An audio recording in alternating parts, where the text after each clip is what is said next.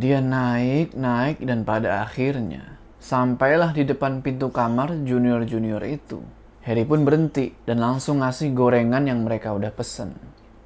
Di sini, nggak tahu kenapa, di dalam hatinya Harry itu nyuruh dia buat coba lihat ke tangga.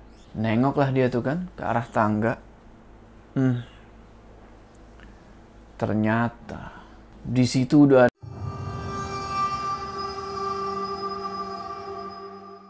Assalamualaikum teman-teman, balik lagi sama gue Joe Apa kabar kalian semua? Semoga kalian semua yang menonton video ini diberikan kesehatan, dilancarkan rezekinya dan selalu diberikan eh dan selalu dimudahkan urusan-urusannya dan selalu diberikan perlindungan dari wabah yang sedang melanda dunia saat ini.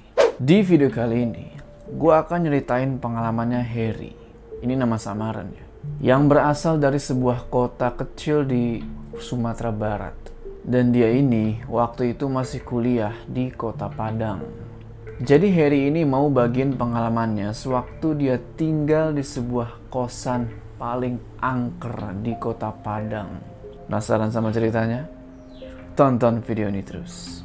Sebelum kita masuk ke cerita, jangan lupa kalian like video ini dan bagi yang belum subscribe, ayo subscribe sekarang ke channel ini supaya kalian gak ketinggalan cerita-cerita horor selanjutnya.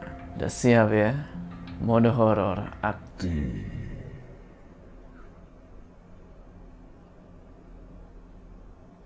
Kejadian mengerikan itu Harry alami di tahun 2009. Waktu itu dia ngekos sama seniornya.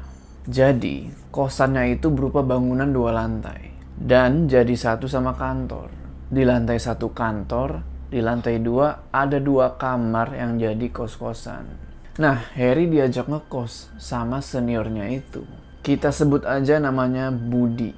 Kamar kosan itu lumayan gede, tapi kamar mandi cuma satu dan ada di luar. Dua kamar itu pintunya saling hadap-hadapan. Dan karena di lantai dua, setiap kamar punya balkon. Karena kamarnya lumayan gede, Harry dan Budi cuma ngisi satu kamar aja. Alhasil satu kamar lagi kosong. Oh iya, kosan ini lumayan deket sama pantai Padang. Kosan itu cukup murah, cuman 600 ribu per bulan dengan kamar segede itu. Ya, sebagai gantinya, pemilik kantor juga mempercayakan keamanan kantor sama mereka berdua. Karena lantai satu adalah kantor, otomatis kalau malam, lantai satu itu sepi dan gelap. Cuman lampu teras kantor bagian depan dan samping aja yang dinyalain. Bangunan sebelah adalah kosan putri. Tapi bener-bener terpisah karena dibatesin sama tembok tinggi. Jadi bisa dibilang kosannya Harry itu bener-bener terisolir. Kosan mereka itu masuk gang. Dan itu gang buntu. Nah, posisinya itu ada di ujung jalan itu, ujung gang. Harry dan Budi ini bisa dibilang waktu itu masih sama-sama nakal karena suka keluar malam dan dugem. Mereka suka nyetel musik kencang di kosan itu walaupun udah malam. Tapi daerah kosan itu bisa dibilang aman lah dari orang-orang jahat kayak maling dan sebagainya. Mungkin karena pengaruh pemilik kantor yang berkuasa di situ. Satu minggu Harry ngekos di sana. Belum ada kejadian apa-apa. Masih aman-aman aja. Tapi minggu-minggu berikutnya dia mulai ngerasain ada yang gak beres sama kosan itu. Harry masih ingat betul kejadian ganjil pertama yang dia alami. Waktu itu dia pulang kuliah jam 11 siang dan langsung balik ke kosan. Sedangkan Budi, jadwal kuliahnya dia itu penuh sampai jam 9 malam. Sesampainya di kosan, Harry langsung masuk ke kamar mandi buat cuci muka. Nah, pas lagi cuci muka itu, dia berdiri ngebelakangin kloset. Di samping kanan itu bak mandi dan ngadep ke arah pintu. Karena cuma cuci muka ya pintu kamar nggak ditutup kan. Pas lagi gosok-gosok muka pakai sabun. Tiba-tiba Harry ngeliat Budi muncul dari tangga dan langsung masuk ke kamar. Dia ngeliatnya itu samar-samar karena kan muka lagi penuh sabun nih. Terus si Harry nyapa seniornya itu. Udah balik kak, ntar mau balik lagi. Nanggung lo pulang. Jarak kelas cuma 15 menit. Harry di situ cuma ngedenger jawaban. Heeh.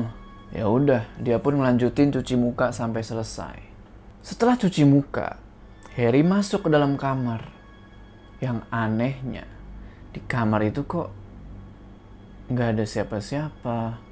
Mana si Budi? Karena penasaran, dia pun keluar nyari Budi. Dia turun ke bawah. Harry bahkan nggak ngeliat ada mobilnya si Budi. Harry lalu nanya ke salah satu karyawan kantor yang lagi duduk di teras. Mas, Budi tadi udah pergi lagi ya? Gak ada Budi dari tadi. Saya dari tadi duduk di sini. Harry langsung mikir di situ. Kapan si Budi keluar kamar ya? Dan juga kan jarak waktu dari pas sosok itu muncul dari tangga dan masuk ke kamar sama waktu Harry selesai cuci muka itu gak sampai 3 menit. Setelah itu Harry pun balik lagi ke kamar dan nyoba buat positive thinking.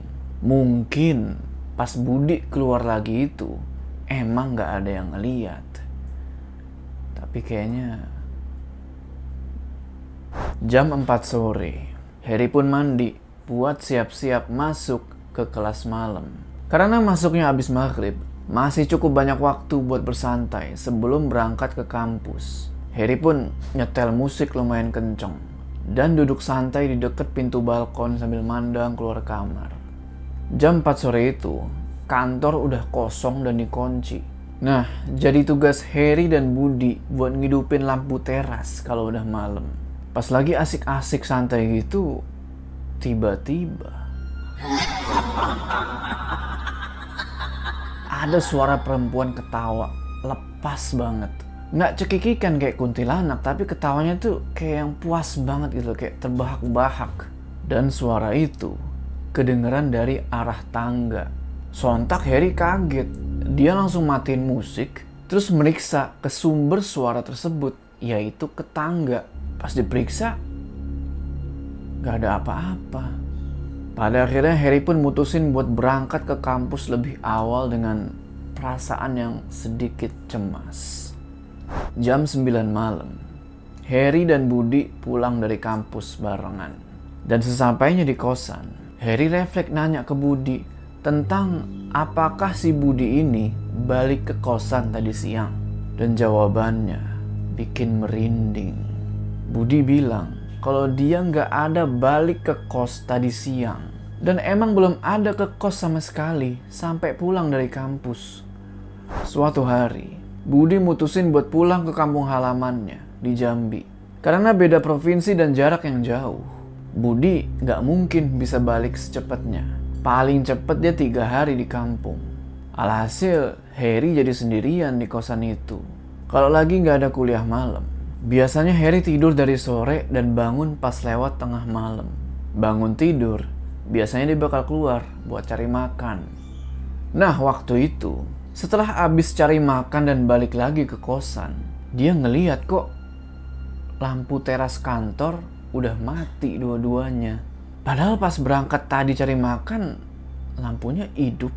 Pas dia meriksa saklar lampu yang ada di dalam garasi, ternyata saklarnya pun mati. Sontak Harry pun langsung ngidupin saklar itu lagi. Namun, yang jadi pertanyaan, siapa yang matiin? Kan gak ada orang. Budi lagi pulang kampung. Dia tetap mikir positif. Ah, mungkin ada orang luar yang iseng matiin lampu. Padahal kalau dipikir-pikir ya, nggak mungkin orang luar masuk cuman buat iseng matiin lampu. Setelah itu, Harry pun langsung balik ke kamar. Karena ada perasaan merinding gara-gara keinget sama kejadian wanita yang ketawa di tangga. Harry pun ngunci pintu dan berusaha buat tidur. Tapi dia nggak bisa tidur. Dan akhirnya dia cuma diem aja di tempat tidur sampai kira-kira jam 4 pagi. Pas jam 4 pagi itu, tiba-tiba pintu kamar mandi kedengeran kayak ada yang ngebuka. Nggak cuma itu, nggak lama kemudian kedengeran suara air, kayak ada yang lagi mandi. Waktu itu Harry nggak berani ngelakuin apa-apa. Badannya mematung ketakutan sambil terus baca ayat kursi dalam hati. Coba kita pikir, siapa yang mandi sepagi itu. Dan kantor dan kamar satunya lagi itu kosong. Budi lagi pulang kampung. Dengan kata lain, cuma ada Harry di bangunan itu. Setelah mikir-mikir gitu, akhirnya Harry pun tertidur. Kejanggalan demi kejanggalan selalu dialami sama Harry. Dan yang paling banyak itu adalah suara wanita ketawa. Dan suara itu selalu dari arah tangga. Ada apa di tangga itu dan kenapa kok Harry ini nggak pindah aja?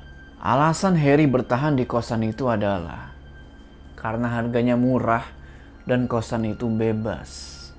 Kurang lebih enam bulan ngekos di sana. Akhirnya kamar satunya lagi diisi sama dua orang junior dari kampus yang sama, cuman beda jurusan. Nah junior ini baik banget dan pada akhirnya mereka berempat ini jadi akrab. Harry jadi agak sedikit lega karena kosan jadi rame. Karena dua orang junior itu jurusan arsitek, mereka kadang bawa beberapa temen buat ngerjain tugas ngegambar dalam kamar.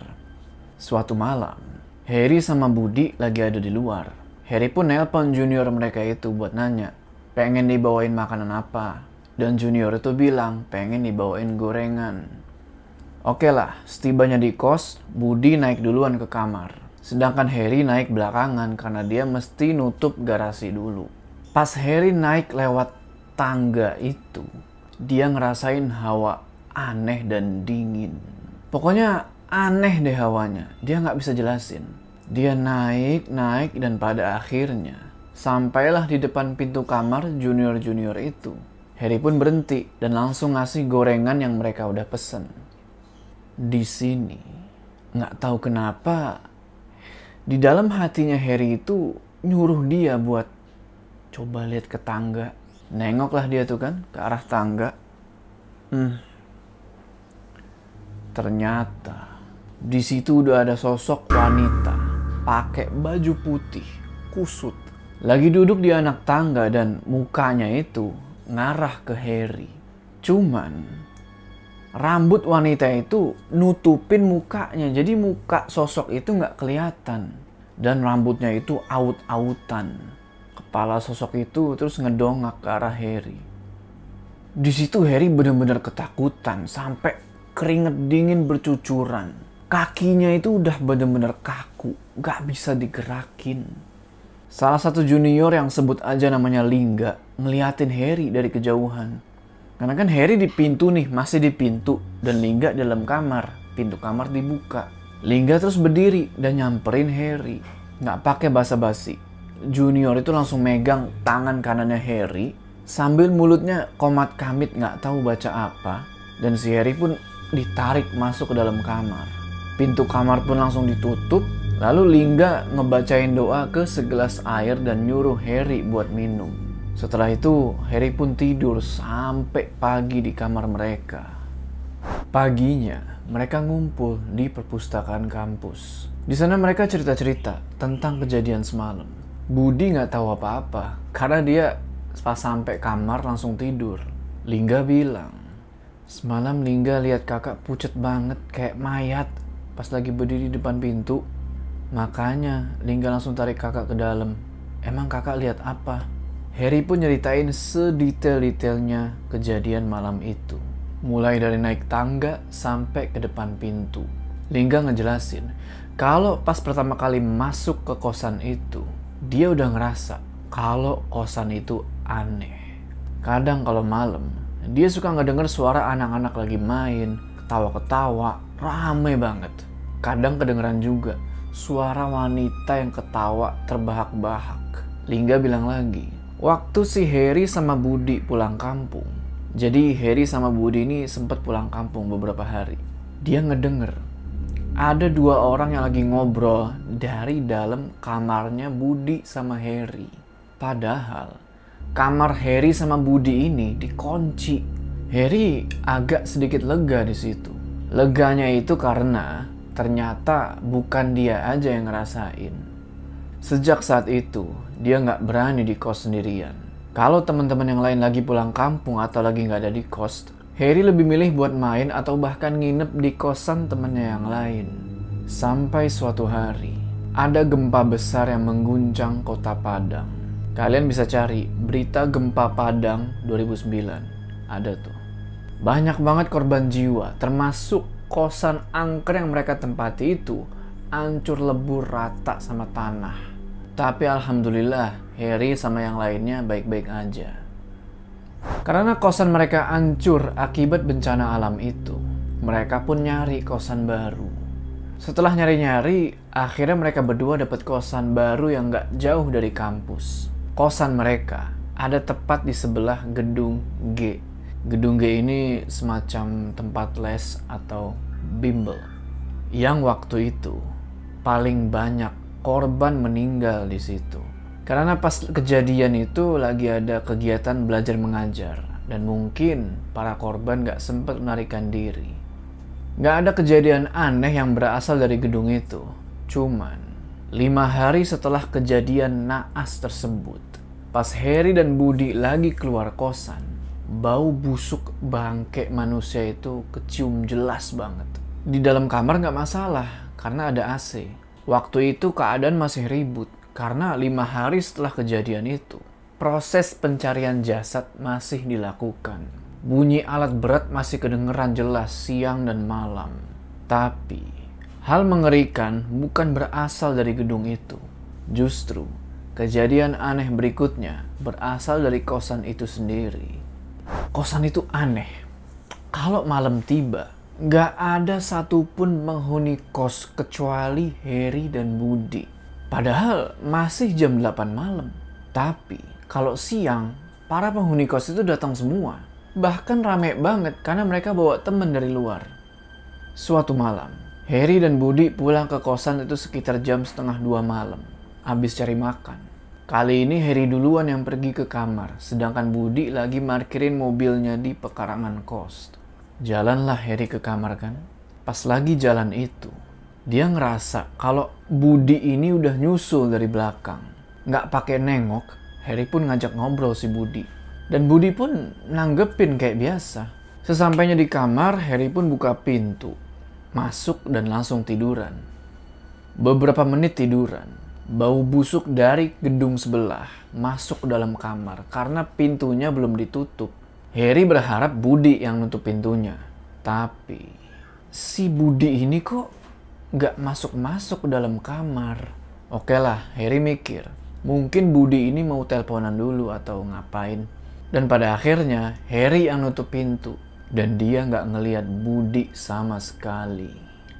Lima menit setelah nutup pintu itu, tiba-tiba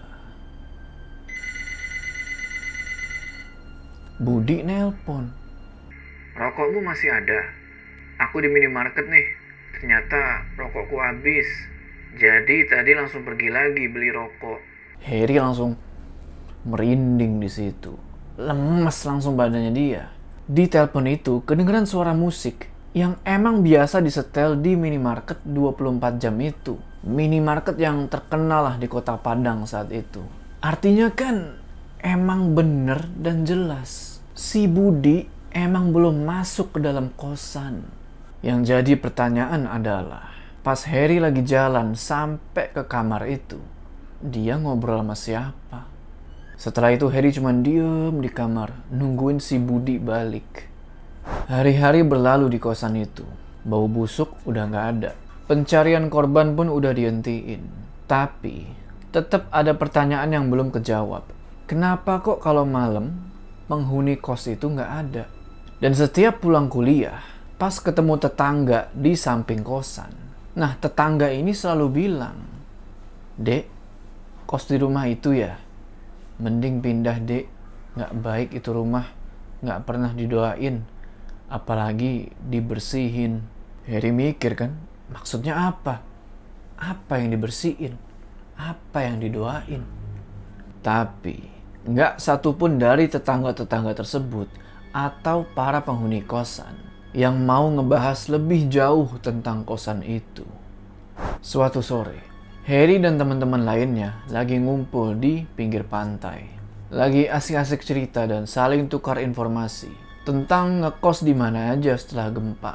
Saat itulah kebuka cerita lengkap tentang kosan yang lagi ditempati sama Harry dan Budi itu. Jadi, kosan yang mereka tempati itu adalah kosan yang paling angker di kota Padang. Dan terutama kamar yang mereka berdua tempatin. Kosan itu murah banget emang, cuman 600 ribu per bulan. Itu udah termasuk AC. Kebanyakan yang ngekos di sana itu cuman narok barang aja. Tapi kalau buat tidur pas malam, hmm, enggak deh. Mending nginep di tempat temen. Udah banyak yang ngekos di sana dan diganggu sama gangguan-gangguan yang nggak masuk akal. Ada yang lagi tidur dipindahin ke halaman belakang. Ada yang ketindihan atau rep-repan setiap malam. Ada yang kerasukan. Menurut cerita, di tempat yang ditempatin sama Harry dan Budi itu, dulu pernah ada kasus penghilangan nyawa. Dan yang dibilang tetangga nggak dibersihin, itu adalah bekas noda darah di dinding kamar yang nggak dibersihin dulu dan langsung ditimpa sama cat. Dan nggak pernah kosan itu didoain. Ngedenger itu, Harry dan Budi langsung mutusin buat pindah dari kosan itu secepat mungkin dan nyari kosan baru.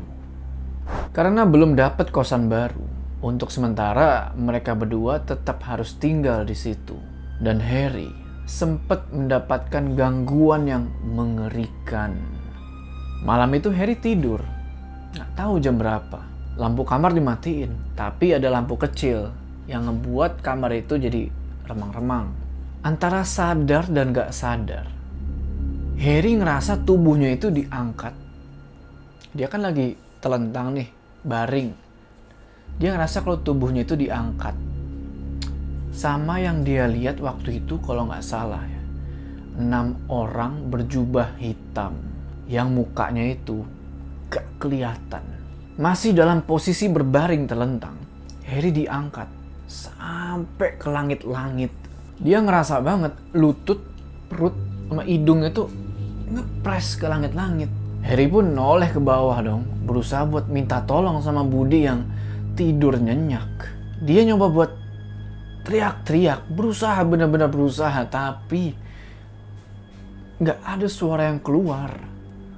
Akhirnya dia cuma bisa baca semua doa yang dia hafal dan pada akhirnya, bruk, dia pun dilepasin sama sosok-sosok itu dan jatuh terhempas di kasur.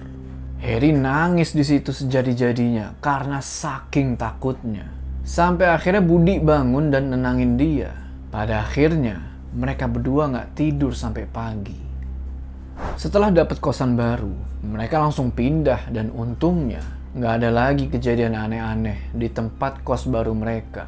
Tapi sejak kejadian yang dia diangkat sampai ke langit-langit itu sampai sekarang, sekarang dia umur 31 tahun, dia jadi lebih peka sama hal-hal gaib.